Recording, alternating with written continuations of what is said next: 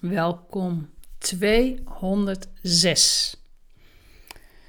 Thema van vandaag. Ik sprak er al eerder over, als je het nog niet geluisterd hebt, maar de podcast over de, het boek De Heks van Limbricht. Over het collectieve trauma dat wij vrouwen hebben.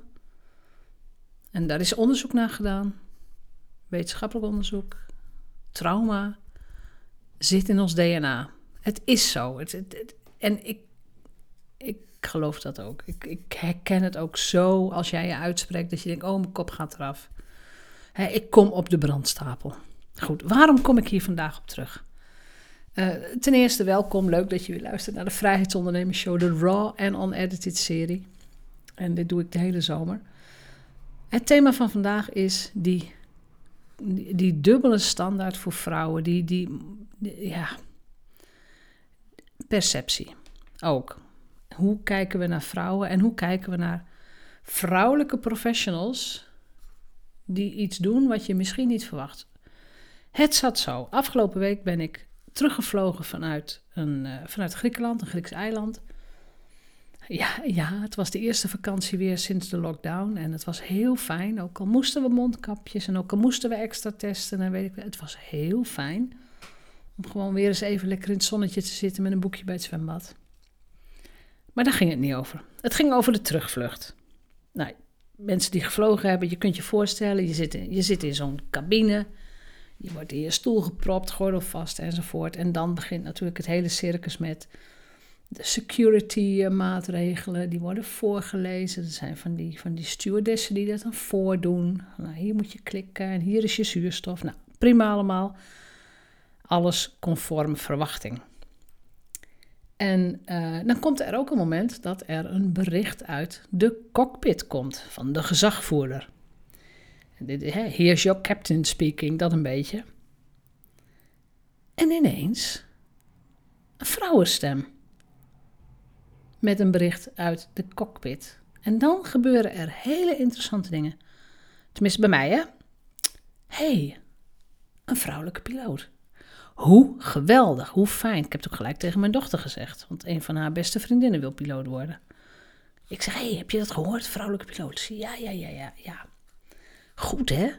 Moeten we ook aan je vriendin vertellen. En dan kijken ze echt, dan rollen ze met de ogen, die pubers, van nou ja, waarom? Omdat hè, vrouwen kunnen alles, maar ik denk, ja, hè, de realiteit is nog anders, dit gaan we vertellen.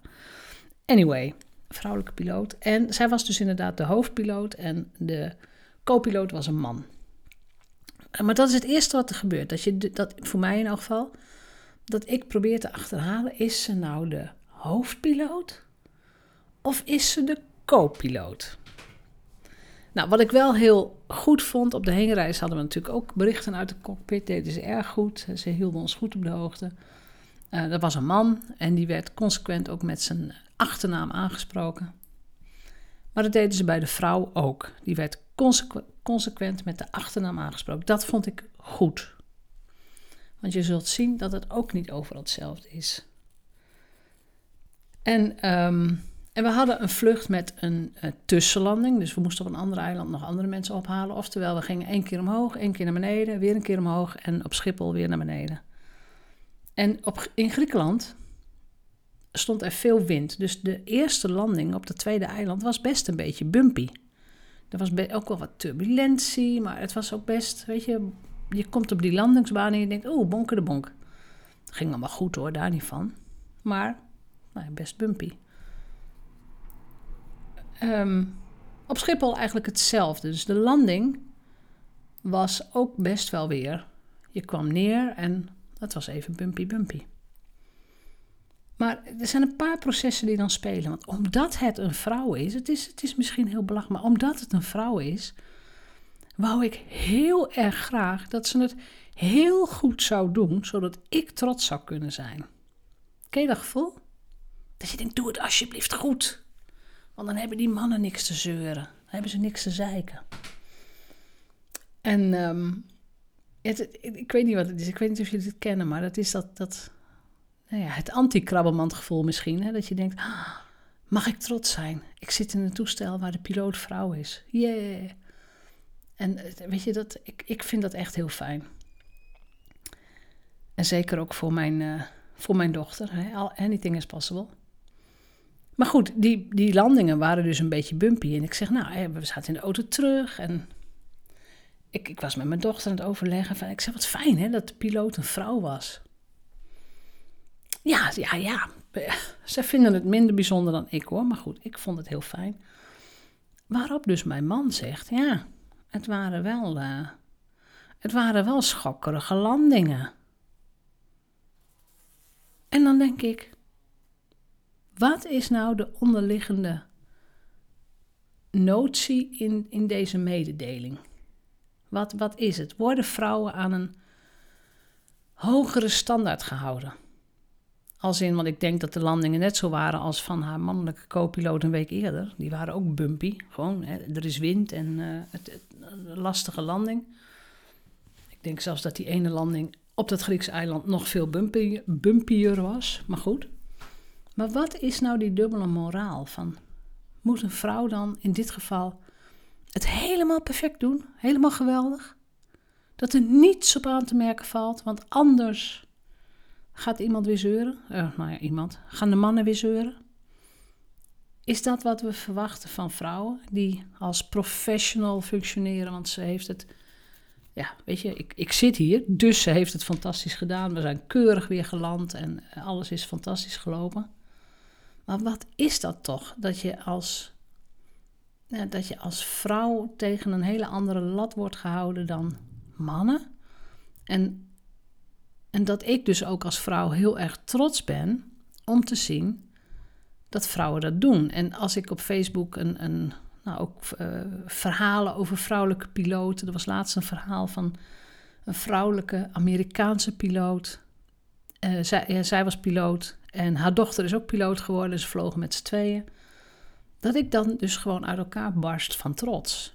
Dat ik dat zo geweldig vind. En, uh, en dat vind ik ook weer stom van mezelf, want dat zou dus normaal moeten zijn. Het zou normaal moeten zijn dat welke functie je dan ook zou willen, dat dat door een persoon, een mens, ingevuld kan worden.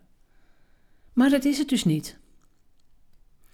Dat is het dus niet. Dus ik heb inderdaad zo en na die opmerking in die auto zei ik ook van, goh, ja. Wat maakt dat je nu zo'n soort opmerking. Maar ah, zegt, zegt hij, ja, hij zegt, ik bedoel er helemaal niks mee. Het was gewoon even een, een hobbelige landing.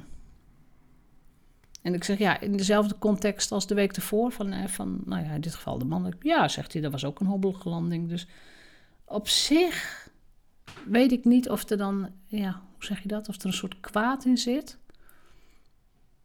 Maar die trots die ik voel, die heeft mijn man dan niet. Die, is niet zo, die heeft dan niet zoiets van, ja, natuurlijk zijn we trots, want het is een vrouw. Nee, dat heeft hij dan weer niet. Dus dat, dat is het, nou ja, het gevecht wat wij hier thuis moeten doen. En dat is ook wat ik mijn dochter eh, wil laten zien. Van kijk, het kan wel. En vertellen aan je vriendin. En uh, nou ja, goed. Ik ben heel benieuwd hoe het afloopt. Maar die dubbele standaard, ik, ik denk dat wij daar nog steeds aan moeten voldoen. Ook als vrouwelijke ondernemer. Um, het begrip bedrijfje is er een beetje uit. Oh, dus je hebt een bedrijfje. Maar ik zie nog heel veel vrouwen die niet per se de urgentie hebben om een succesvol bedrijf te bouwen. Want manlief verdient wel genoeg. Uh, de kinderen moeten verzorgd worden. En dat is, um, ja, als die urgentie er niet is, dan blijft het vaak een beetje in de marge hangen. Laat ik het zo zeggen. En wat ik bij, um, bij bijvoorbeeld alleenstaande vrouwen heel erg zie, en ook bij Amerikaanse vrouwelijke ondernemers, is het heel vaak um, ja, dat noemen ze het do-or-die-principe. Als jij niet presteert, als je geen klant hebt, als je geen omzet hebt, dan ga je gewoon dood. En dan is heel, heel kort door de bocht natuurlijk, maar dan heb je geen huis, dan heb je geen ziektekosten, dan kun je geen eten kopen. Die urgentie is zo hoog dat ze ook hoger presteren. En ik weet ook wel, hè, dat heeft ook weer een prijs, dat weet ik allemaal wel. Maar het vraagt wel meer van de ondernemer in kwestie en ze vragen meer van zichzelf en ze zijn ook veel meer bereid om te kijken naar hun eigen patronen en naar hoe kan ik succesvol zijn. Persoonlijke ontwikkeling, leiderschapskwaliteiten, maar ook vaardigheden. En dat is iets wat ik dan in, ehm, ja, in de Nederlandse markt wel eens mis. Het is, het is al snel uh, genoeg. Uh, en nee, hier ben ik wel tevreden mee. Nou goed, dat is, dat is iets voor een hele andere podcast. Nu wou ik even het verhaal van de vrouwelijke piloot vertellen en de dubbele standaard waar wij uh, aan worden gehouden.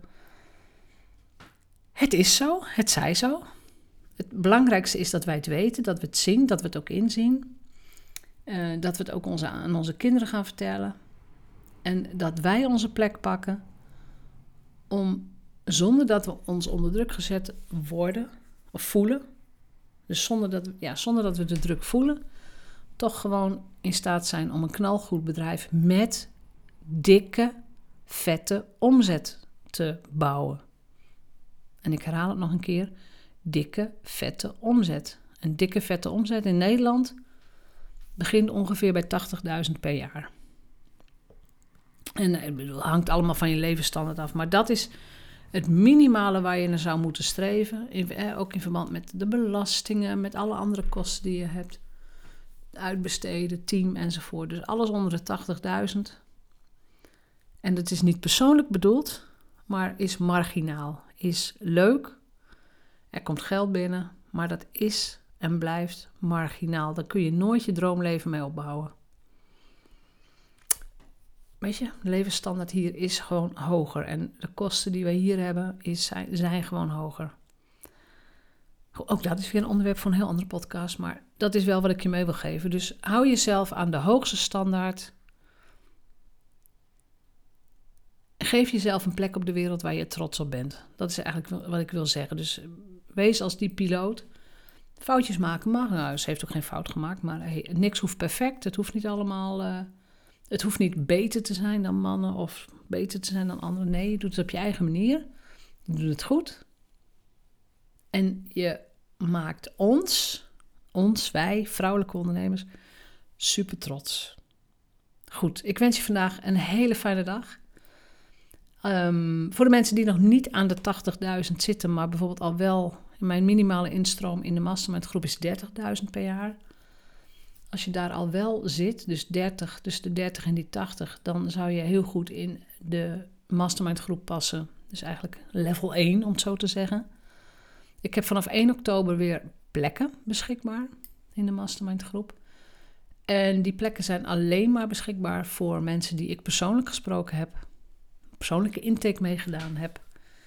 Waarbij ik gevoeld heb of jij coachbaar bent en waarbij jij gevoeld hebt of je mijn stijl uh, apprecieert, dus op waarde schat.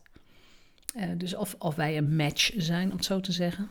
Maar ik wil ook weten wat je droom en ambitie is. Als jij niet die urgentie voelt, dus niet dat uh, do or die principe hanteert, ja, dan, dan schiet het vaak niet op in de groep. Hè. Dan ben je te snel tevreden en dan merk ik dat de aandacht wat wegzakt. Is niet de bedoeling, is voor de groep niet leuk. Dus dat wil ik gewoon van tevoren weten.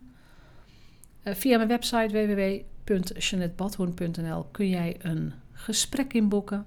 Een freedom call noem ik die. Die zijn gratis, um, maar niet ja, vrijblijvend. Uh, ik verplicht je tot helemaal niks. Ze zijn gratis en vrijblijvend. Maar wat ik graag heb, is dat je van tevoren al dingen bekeken hebt. Dus de website bekeken, het aanbod bekeken. Je weet wat het kost om mee te doen. Je hebt eventueel al een boek gelezen of meerdere boeken van mij gelezen. Je hebt podcast geluisterd. Dus je weet waar je aan begint. Dan verspillen we allebei geen tijd. En dan kunnen we heel snel te, tot de, te zaken komen. Maar als jij inderdaad die urgentie voelt en ook wilt dat jij die, uh, nou ja, de captain of your own ship wordt, om het zo te zeggen, dan, uh, ja, dan begroet ik je graag in de nieuwe, in de nieuwe mastermind groepen. Goed, tot snel. Fijne dag en je hoort morgen weer van mij.